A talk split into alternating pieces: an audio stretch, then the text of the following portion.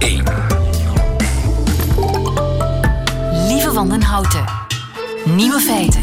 Dag, dit is de podcast van Nieuwe Feiten van maandag 26 februari, waarin we het verder niet zullen hebben over de kardinaal van Newark. Newark, New Jersey in Amerika. Die kardinaal heeft namelijk een letermeke gedaan. Heeft gisteren getweet, Night night baby, I love you. Volgens de woordvoerder van de aartsbisschop was het letermeke bedoeld voor zijn zus. Kardinaal heeft namelijk acht jongere zussen en hij noemt ze allemaal baby. Uiteraard. De andere nieuwe feiten zijn joggen in de vrieskou kleedt u vooral niet te warm. 12% van de ouders heeft geen contact meer met zijn kinderen. We zijn allemaal een beetje racistisch. In China zitten ze met een nieuwe keizer. En in Frankrijk met Wokje-gate. Geniet ervan. Nieuwe feiten. Want het vriest ongeveer 5 graden. Maguette Kebe, goedemiddag. Goedemiddag, lieve. Ik zeg het toch goed, Maguette Kebe? Ja, dat is goed. Maguette Kebe, jij komt uit uh, Senegal. Je bent denk ik de trouwste luisteraar van Nieuwe Feiten. Ja, ik luister elke dag. Ik neem mijn pauze met uh, jullie. Om je Nederlands uh, bij te schaven. Ja. je woont al 15 jaar in Brussel en je bent een fervente jogger. Hoeveel keer per week jog jij? Ik jog uh, twee keer tijdens de week uh, na mijn werk, soms maandag en woensdag. Twee keer per week, dat is heel flink. Uh, het hangt van onze planning af en zaterdagochtend ook probeer ik 10 kilometer te 10 raken. 10 kilometer? In totaal 20 kilometer. Maandag en, dinsdag, maandag en woensdag 10 kilometer.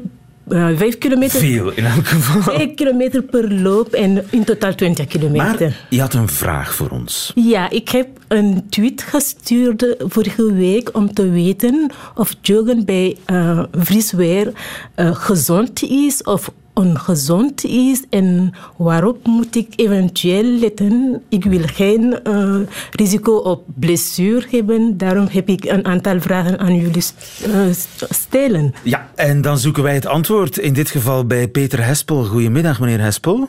Goedemiddag. Professor Hespel, inspanningsfysioloog aan de Universiteit van Leuven. Het vriest ongeveer 5 graden. Is ja. het gezond om te joggen? Maar het is uh, zeker niet ongezond, omdat uh, iets waar je zeker geen schrik voor moet hebben, is dat je lichaamstemperatuur bijvoorbeeld zou gaan dalen. En meestal komt dat erop neer dat je moet opletten dat je je niet te warm kleedt, omdat je dan eigenlijk gaat verstikken in je eigen warmte, omdat je afkoeling niet meer behoorlijk functioneert.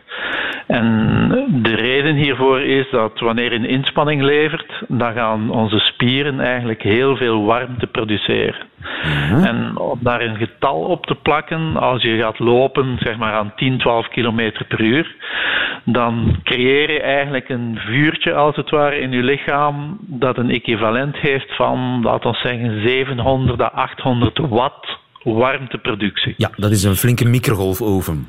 Dat is een zeer flinke microgolfoven en die warmte die gaat zich opstapelen in je lichaam als je niet de kans geeft om die af te geven aan je omgeving. Vandaar dat het heel belangrijk is om enerzijds goed isolerende kledij te dragen, die je beschermt tegen de koude wind bijvoorbeeld. Maar die kledij moet ook ademend zijn, ja. zodanig dat je zweet kan verdampen. Anders ga je je lichaamstemperatuur veel te snel laten oplopen en ga je inspanning moeten stopzetten. En wat gebeurt er als ik mij te warm kleed? Ik denk het vriest 5 graden, ik doe toch maar nog een extra trui aan. Wat kan er dan misgaan? De, de kans dat er iets uh, gebeurt dat schadelijk is voor je gezondheid is natuurlijk klein, maar wat er kan misgaan is dat je eigenlijk vroeger dan gewenst je inspanning moet stopzetten omdat je lichaamstemperatuur te snel stijgt. En als je met een hartslagmeter stijgt, dat je hartslag eigenlijk abnormaal snel gaat stijgen, waardoor je looptempo gaat verminderen, wat op dat moment eigenlijk alleen weer spiegelt dat je te warm krijgt en niet dat het gevaarlijk zou zijn om toch iets sneller te lopen. Ja, dus een vaak gemaakte fout bij uh, joggers in uh, vrieskou is te warm kleden. Uh, hoe zit het met mijn longen? Kan ik, want ik, als, ik, als ik ga joggen, wat ik niet zo vaak doe helaas, dan hijg ik nogal, dan zuig ik die, dan sleur ik die lucht naar binnen. Mag ik hele ja. bevroren lucht in mijn longen? Doet dat geen kwaad? Wel, in uh, theorie kan dat geen kwaad, maar de, de gevoeligheid van de longen voor koude lucht, en koude lucht is ook meestal droge lucht, omdat waterdam die in de lucht aanwezig is, uh, bevriest dan gewoon. En sommige mensen uh, die hebben luchtwegen die zeer gevoelig zijn aan koude, droge lucht. En dan kan het effectief zijn dat je ademhaling veel moeilijker verloopt, zelfs een beetje begint te piepen. En men noemt dat uh, inspanningsastma, dat vaker voorkomt in een koude, droge omgeving dan in normale temperaturen en met iets vochtige lucht. Ja, dus is dan is eigenlijk niet zozeer de, de kou het probleem, maar de droogte van de lucht de combinatie van de beide. Ja. ja.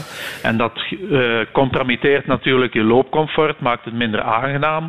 Zeggen dat dit gevaarlijk is? Nee, voor zover je niet echt uh, uh, een astmapatiënt bent, bijvoorbeeld. Ja, dus ons Maguette die mag gaan joggen. Absoluut. Uh, ze zou zelfs uh, één keer per week extra mogen gaan joggen om aan de gezondheidsvoorschriften van vijf keer per week een half uur inspanning minimaal te voldoen. Oké. Okay. Zijn alle vragen daarmee beantwoord, uh, Maguette? Ik heb een andere vraag. Gisteren heb ik een droge keel. Is dat normaal? Een droge keel bij uh, uh, zeer koude temperaturen. Is dat een ja, alarmsignaal? Nee, dat is gewoon oncomfortabel en heeft te maken met uh, wat ik daarnet zei. Dat koude lucht is per definitie droge lucht. En in rust ademt de mens ongeveer 10 à 12 liter per minuut in en uit. En tijdens inspanning kan dat makkelijk oplopen naar 50 à 100 liter per minuut. En wanneer je dus je keel continu laat doorstromen met koude, droge lucht, dan gaat ook je keel automatisch gaan uitdrogen, veel sneller dan je lief is. Dus uh, alle vragen zijn beantwoord daarmee. Dankjewel. In uh, Leuven voor ons Peter Hespel. En ga joggen, Maguette KB. Dankjewel voor je vraag en voor je komst naar de studio. Goedemiddag. Hartelijk bedankt. En blijven luisteren, hè? Ja, zeker en vast.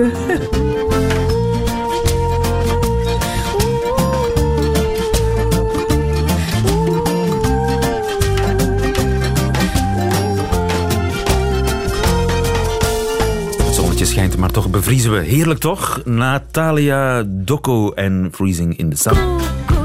Nieuwe feiten. Coucou de France.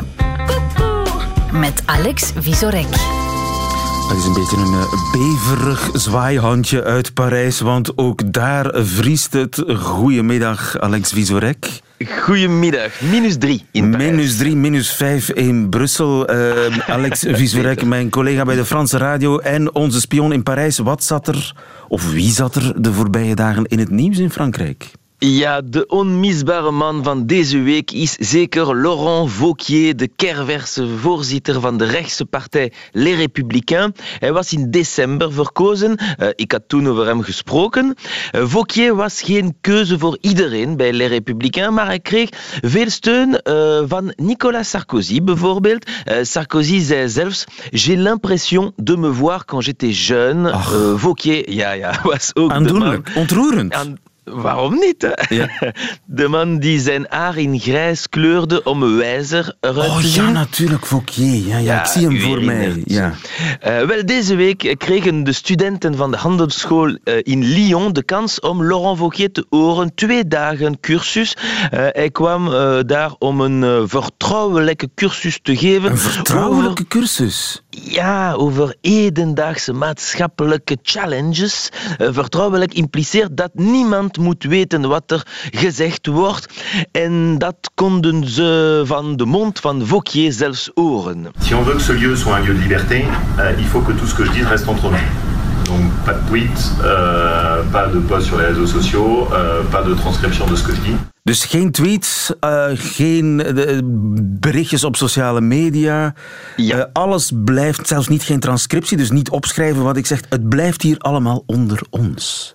Confidentieel, ja. uh, zegt hij letterlijk. Uh, moet ik maar dezelfde bullshit als voor de media zeggen, dus iedereen moet zwijgen. Ja, maar uh, ik heb wel een geluidsopname gehoord nu, net toch? Ja dat is precies waarom ik over Laurent Wauquiez spreek. Lieve, een student uh, had hem opgenomen en alles is in de media uitgelekt.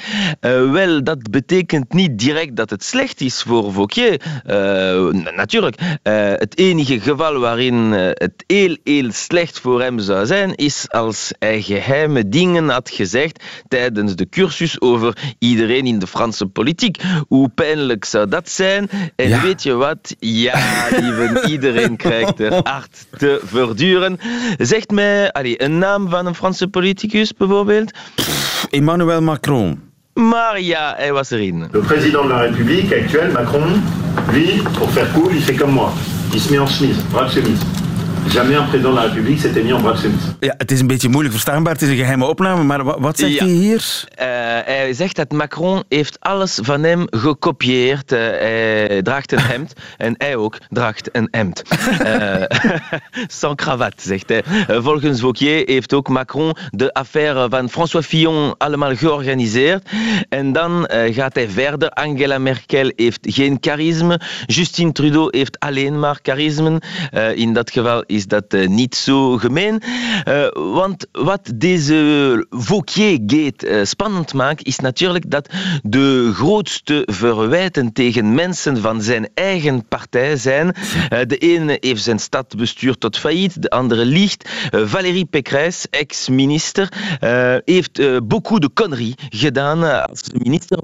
En haar antwoord daarop was perfect. Vous savez, j'aimerais bien moi aussi faire de l'humour sur les réformes que Laurent Wauquiez a fait au gouvernement.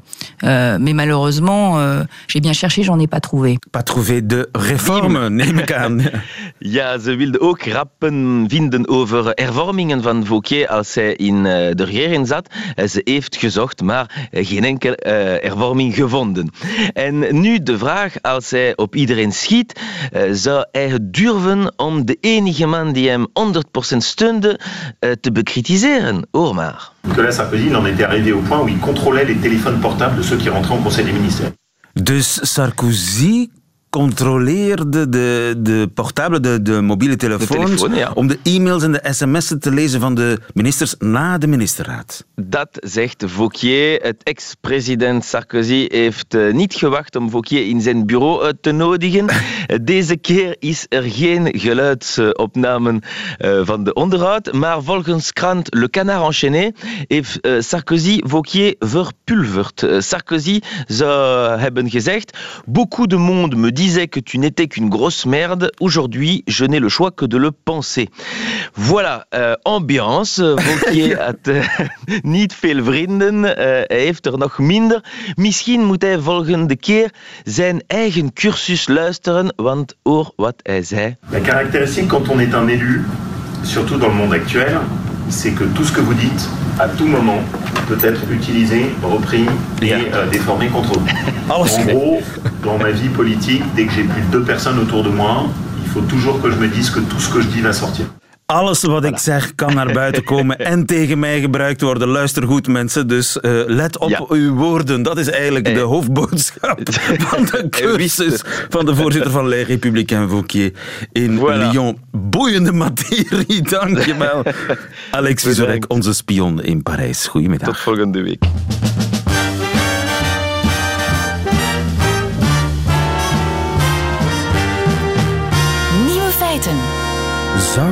Iedereen racist zijn? Frank van Overwallen, goedemiddag. Goedemiddag. Professor van Overwallen, sociaal psycholoog aan de VUB in Brussel. U geeft vandaag een college aan de Universiteit van Vlaanderen, de gratis online UNIF. Uw filmpje staat vanaf vandaag uh, online. Over de vraag: zit racisme diep in ons? Is het antwoord op die vraag ja? Ja, dat is inderdaad zo. Absoluut. Iedereen is racistisch. Iedereen draagt in zich een kiem van racisme. En het is goed dat we ons daarvan bewust zijn. In dat filmpje heb ik ook een kleine test gedaan met de mensen die daar zitten. En dan kan je inderdaad daaruit afleiden dat iedereen een stukje racisme in zich draagt. En hoe komt dat? dat?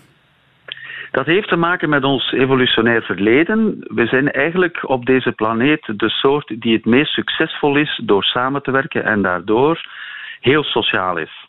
sociaal voor onze eigen groep van, laten we zeggen, om en bij uh, 50 personen in onze stam.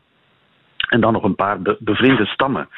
Maar dat sociaal samenwerken betekent ook direct, onmiddellijk antisociaal reageren ten opzichte van andere groepen. Die laten we links liggen of daar voelen we ons vijandig bij, omdat we bang zijn van die andere groep die eventueel dingen van ons kan stelen. En dus het zeer sociale aspect van de mensheid maakt dat we soms tegen anderen heel antisociaal kunnen zijn. Ja, dus er is altijd een, kamp Noord en een kamp Zuid. En ik zit altijd in een van die twee kampen. Ja, wij versus zij. Nu, natuurlijk kunnen wij als leidinggevende en verantwoordelijke dat opkloppen, dat verschil, dat psychologisch verschil alleen al maakt dat we gaan discrimineren en zo. Of we kunnen dat minimaliseren en eigenlijk zoeken naar de overkappelende, de overstijgende wij. Zodanig dat we meer geneigd zijn om samen te werken, ook met anderen die we niet zo goed kennen. Dus, maar het is een overlevingsmechanisme dat dateert uit de oertijd? Ja, Zoals zoveel dingen waar we moeten tegen vechten. Zoals ook uh, onze neiging om heel veel vet en suiker op, op te slaan en te eten. En als het zich voordoet, zoveel mogelijk uh, daarvan te eten. Een beetje van hetzelfde genre, inderdaad. We moeten, en, en het beste is als, dat we ons van bewust zijn dat we dat in ons dragen. Zodanig dat we ook niet verschieten van sommige reacties die we dan hebben waarvan we denken, oei, we zijn een, stukje racistischer dan we eigenlijk dachten. Ja, het is iets waar we ons bewust van moeten zijn dat we het hebben, dan kunnen we er tegen vechten. Overigens, professor, valt het mij op dat het publiek in de zaal volledig wit is. En dat u de kijker eigenlijk aanspreekt alsof hij wit en Europees is. Is dat ook een. Ja, dat is een beetje de bedoeling, want dan krijg ik ook een vrij duidelijk antwoord uit het publiek. Aha omdat ik, ja. u spreekt eigenlijk niet de meer gekleurde mens aan. Dat is toch een beetje racistisch? Wel, niet in het filmpje, maar in de klas heb ik dat wel. Daar zijn ook mensen van, laten we zeggen, meer Arabische achtergrond. En aan die mensen vraag ik dan expliciet van, hoe hebben jullie gereageerd? En daar, de helft reageert een beetje westers. Die vinden Europees en goede dingen in die tests met elkaar geassocieerd zijn en die reageren in die zin westers racistisch, zal ik zeggen. En de andere helft die vinden dat Arabisch en goede zaken meer met elkaar samengaan. En die zijn meer racistisch in de richting van het Arabische dan. Maar we moeten er ons van bewust zijn om ermee te kunnen omgaan. Uh, zo zit het. En uh, wie dat filmpje van professor Van Overwallen wil zien op de Universiteit van Vlaanderen, dat is natuurlijk gratis en voor iedereen te bekijken online, ook via onze website. Dankjewel professor. Veel succes en nog een fijne middag. waiting by the phone, bottle in my hand. Stand it. Ain't funny. I'm gonna tell it true. Yeah, it ain't funny. Oh, it ain't funny what love can do. Oh, it ain't funny. Ain't funny. It ain't funny what love can do. De liefde kan ons loeren draaien, dat weet James Hunter als geen ander. Nieuwe feiten. Altijd benieuwd. Uit Amerikaans onderzoek blijkt dat 12% van de ouders, 12%, geen contact meer heeft met minstens één van zijn volwassen kinderen. Claire Wiewouters, goedemiddag. Goedemiddag. Docenten aan de Universiteit Brussel, Hogeschool Universiteit Brussel, gezinswetenschappen. Klopt. Ik schrok van die 12 procent. Schrikt u daar ook van? Ik uh, schrok daar niet echt van. Ik heb ook nog nooit cijfers gehoord. Is daar veel onderzoek naar gedaan eigenlijk? Daar is heel weinig onderzoek naar gedaan. En eh, zijn het bijna altijd kinderen van gescheiden ouders waar het over gaat? Oh, ik kan daar eigenlijk maar in veel niet echt op antwoorden. Wanneer het om um, jonge kinderen gaat in ontwikkeling, is het vaak in het kader van een echtscheiding die heel moeilijk verloopt. Daar heb ik onderzoek naar gedaan. Nu, het artikel waarover, spreekt, waarover sprake is, waar jij naar verwijst, dat onderzoek gaat over volwassen kinderen. Ja. En daar denk ik dat het met heel veel andere factoren ook te maken heeft naast scheiding. Uh, mensen die zich niet gezien voelen door hun ouders, die in een intact gezin opgegroeid zijn, maar met heel veel vormen van psychisch geweld, geweld. Ehm, dus het is een beetje een taboe. Het gezin is voor ons altijd zo van, dat is mooi, dat is een droom, maar in het gezin is ook veel uh, waanzin, wat we noemen. En soms is het nodig dat mensen zich afwenden van een gezin om zich te kunnen toewenden naar zichzelf. Ja. En zijn het altijd de kinderen die bij wijze van spreken het contract met de ouders opzeggen? Of kan het ook gebeuren dat de ouders zeggen, of een van de ouders zegt van uh, het is klaar? Het gebeurt langs twee zijden. En nog eens, het is heel moeilijk om hierover te spreken, omdat we heel weinig onderzoeksgegevens hebben. Hè? Maar is in ons onderzoek dat wij gedaan hebben, waar het gaat over jonge kinderen onder de 18 jaar, uh, bleek dat er meer ouders zijn na scheiding die het contact opzeggen met hun kind dan kinderen die het contact opzeggen met hun ouder. Maar dat is wel sterk, hè? Een ouder die zegt, die het contact verbreekt met zijn kinderen. Ja, dat is sterk. En het is ook voor die kinderen heel moeilijk om dat een plek te geven. Want die kinderen zegden in de gesprekken die wij een analyse van hebben gemaakt: Het lijkt alsof ik het niet waard ben dat mijn ouder naar mij omkijkt. Terwijl het eigenlijk natuurlijk vanuit het gezichtspunt van die volwassenen waarschijnlijk met heel andere dingen te maken heeft. Die stemmen hebben wij daar niet gehoord, maar wat ik wel soms hoor uh, in mijn praktijk is dat mensen zeggen: het was zo moeilijk voor mij, ik was zo ondersteboven, ik had geen energie meer op, die, op dat moment om voor mijn kinderen nog iets op te nemen. Geen energie meer, wat kan nog zo'n reden zijn voor een ouder om te zeggen van ik moet mijn kind even niet meer? Absoluut in de war zijn. Ook een vermenging van ehm, de kwaadheid naar de ex-partner met de kwaadheid naar de kinderen, wat absoluut iets anders is, maar wat zich toch laat vermengen.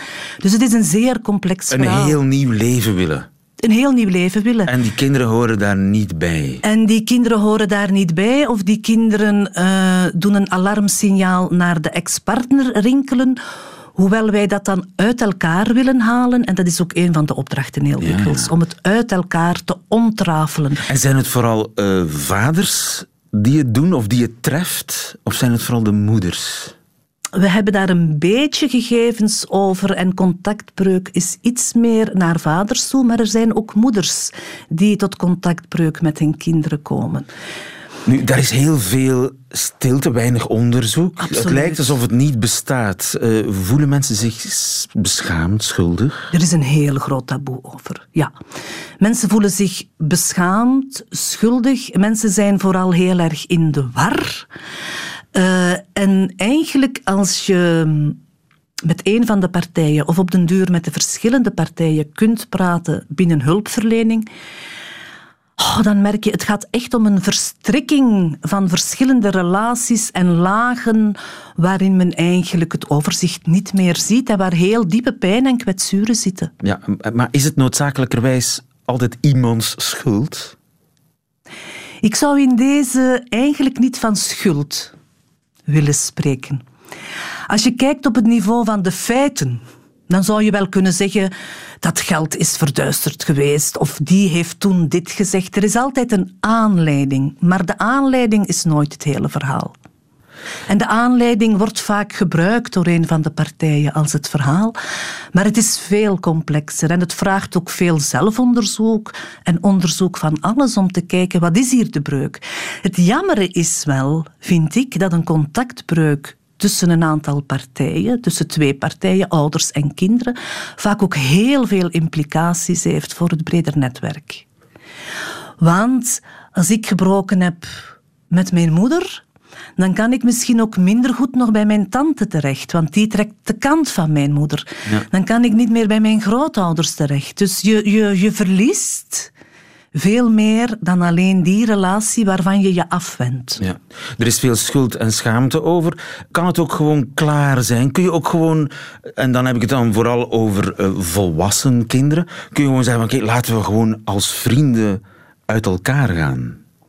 Ik geloof dat niet. Nee? Nee, ik geloof dat niet. Ehm, ik denk niet dat je binnen gezinsverband, want het gaat om familierelaties, als vrienden uit elkaar kunt gaan. Je bent geen vrienden. Vrienden, dat is een engagement, een verbondenheid die je aangegaan bent op een bepaald moment. Dat is een keuze geweest. Dit is toeval. Dit is toevallig je vader. Ja. Toevallig je kind. Het is toevallig je vader en het is ook wel voor eeuwig je vader. Het is je lot. Je kan wel zeggen, ik zie mijn vader niet meer, maar het blijft wel je vader. Ja. Dus kan het gedaan zijn? Nee, het is nooit gedaan. Je kan wel zeggen, ik wil tijdelijk of, zoals ik het nu kies, voor eeuwig geen contact meer, maar het blijft wel je vader. Ja. En dat is denk ik het, het hele diepe daarvan en het grote taboe en het grote stigma daar rond. Ja. Dus moet je altijd streven naar een herstel? Niet noodzakelijk. Dat is niet noodzakelijk. Ik denk dat het vooral belangrijk is om voor jezelf en uh, in het geheel te weten wat zijn de goede redenen die voor mij tot deze breuk leiden. En wat maakt dit naar wat wend, van wat wend ik mij af en naar wat wend ik mij toe?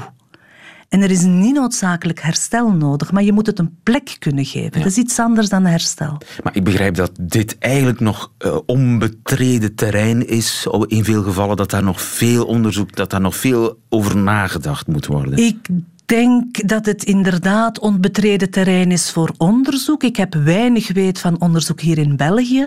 Het is wel het terrein waar wij in psychotherapie dagdagelijks mee bezig zijn. Dat wel. Want ja, 12 eh, procent in Amerika, dus wellicht naar schatting ook bij ons ongeveer één ouder op tien die uh, geen contact meer heeft met dat zou best kunnen. volwassen ja. kinderen. Dankjewel, Claire Wiewouters. Goedemiddag. Graag gedaan. Bla, bla, bla, Nieuwe feiten. Radio 1.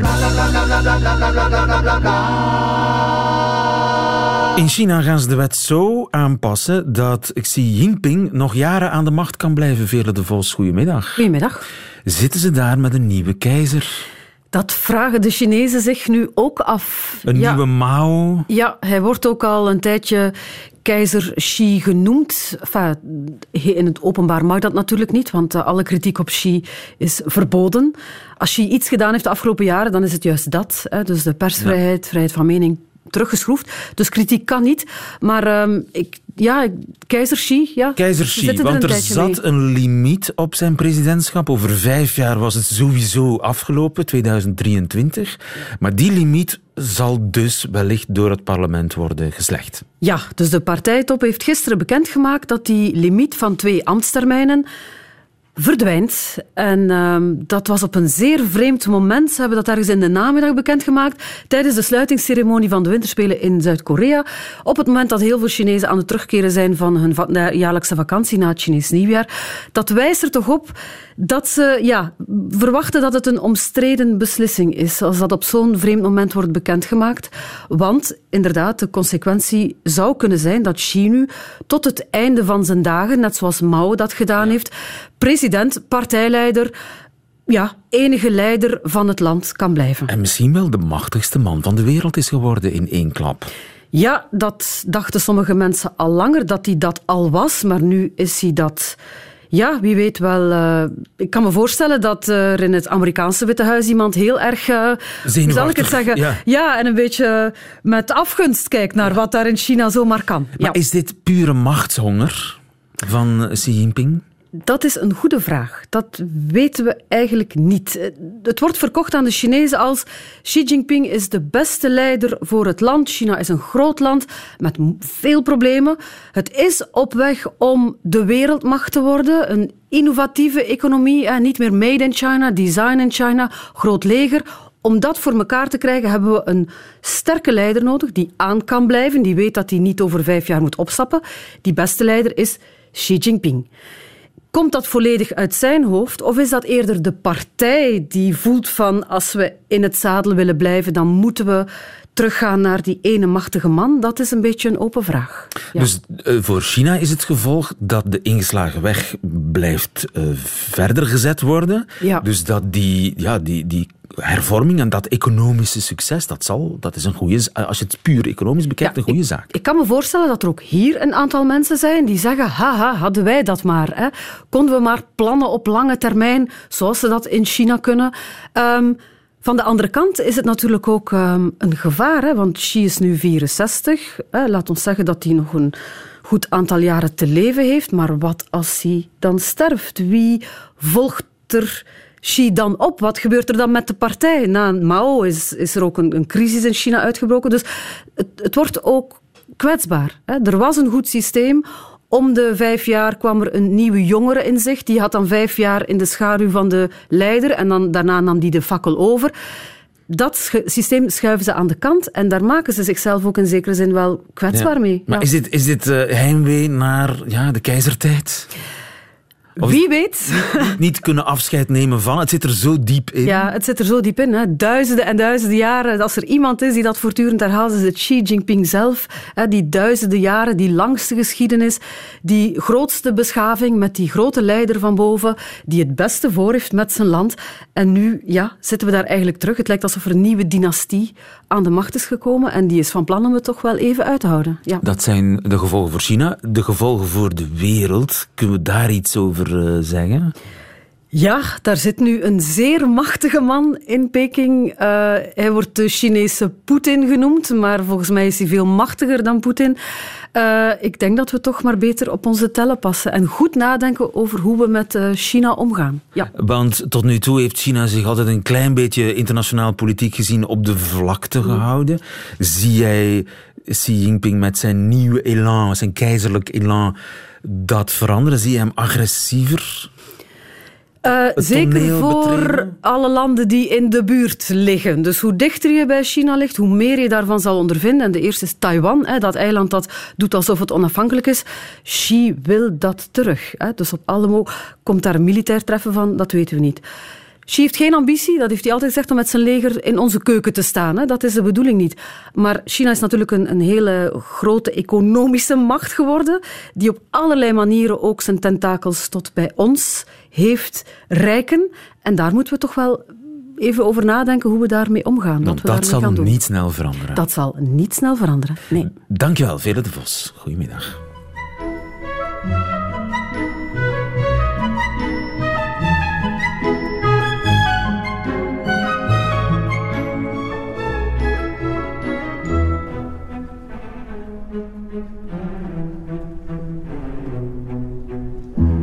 Ik zie mezelf in gedachten. Kunstschaatsend op bij deze muziek. Ik kan er ook niks aan doen. En misschien heeft u dezelfde reflex gehad om bij deze Dance of the Hours... ja, als een, de elegantie zelf over het ijs te glijden. Helemaal rustig ben ik ervan geworden. Ook al omdat alle nieuwe feiten zijn uitgeklaard. Behalve natuurlijk die in het leven van Nico Dijkshoorn. Nieuwe feiten. Middagjournaal. Beste luisteraars, er is iets vreemds aan de hand. Ik moet steeds zo huilen. Om niets wilde ik hier snel achteraan zeggen, maar is dat wel zo? Heb ik de afgelopen veertig jaar niet veel te weinig gehuild? En als dat zo is, dan ben ik het nu blijkbaar aan het inhalen. Om u een voorbeeld te geven, toen André Hazes doodging, werd hij gecremeerd en daarna werd zijn as in tien vuurpijlen de lucht ingeschoten. Dat was op de televisie. André Hazes, zijn vrouw, stond aan het strand. En daar ging André Hazes, verdeeld over tien vuurpijlen, met tien kleine explosies de lucht in. Boem, boem, boem, boem, boem, boem, boem, boem, weg. Ik heb daar toen onbedaarlijk hard om zitten lachen. Die rare André Hazes, die had natuurlijk weer met zijn dronken kop een keer in een café geschreeuwd dat hij in een vuurpijl over de Noordzee wilde worden geschoten. Hij had ook net zo makkelijk iets anders kunnen zeggen. Dat ze zijn as door een paar blikken hondenvoer moesten mengen, of bijvoorbeeld dat zijn vrouw na zijn dood een leven lang zijn schoenen moest dragen. Nu kijk ik daar opeens anders naar. Met terugwerkende kracht moet ik weer een beetje huilen om die arme vrouw van Hazes. Daar langs het strand en dat ze weer haar man met heel Nederland moest delen, zelfs nu hij dood was. Ze zou hem zo graag in de grond hebben gestopt en dat ze hem dan een paar keer per week kon bezoeken, bij een geheim graf. Maar nee, die vuile klootzak moest weer zo nodig in tien vuurpijlen. Nou ja, dat soort dingen. Ik denk dat het ook komt door de Olympische Spelen. Ik heb zitten huilen om vier mannen die heel lief allemaal tegelijk in een bobslee wilden springen. Het was zo schattig, luisteraars. Die volwassen mannen met hun koude lulletjes tegen elkaar aan en dan maar glijden. Ik heb ook gehuild om de sport curling. Hoe al die mannen en vrouwen het ijzer wrijven zoals ze nooit in hun leven meer de rug van een geliefde zullen strelen. Ik heb het nu zelfs met pulled pork. Al dat vlees, gezellig lekker dicht tegen elkaar. En dan iemand die met twee vorken heel woest dat uit elkaar gaat staan trekken. Tranen, luisteraars. Dikke tranen.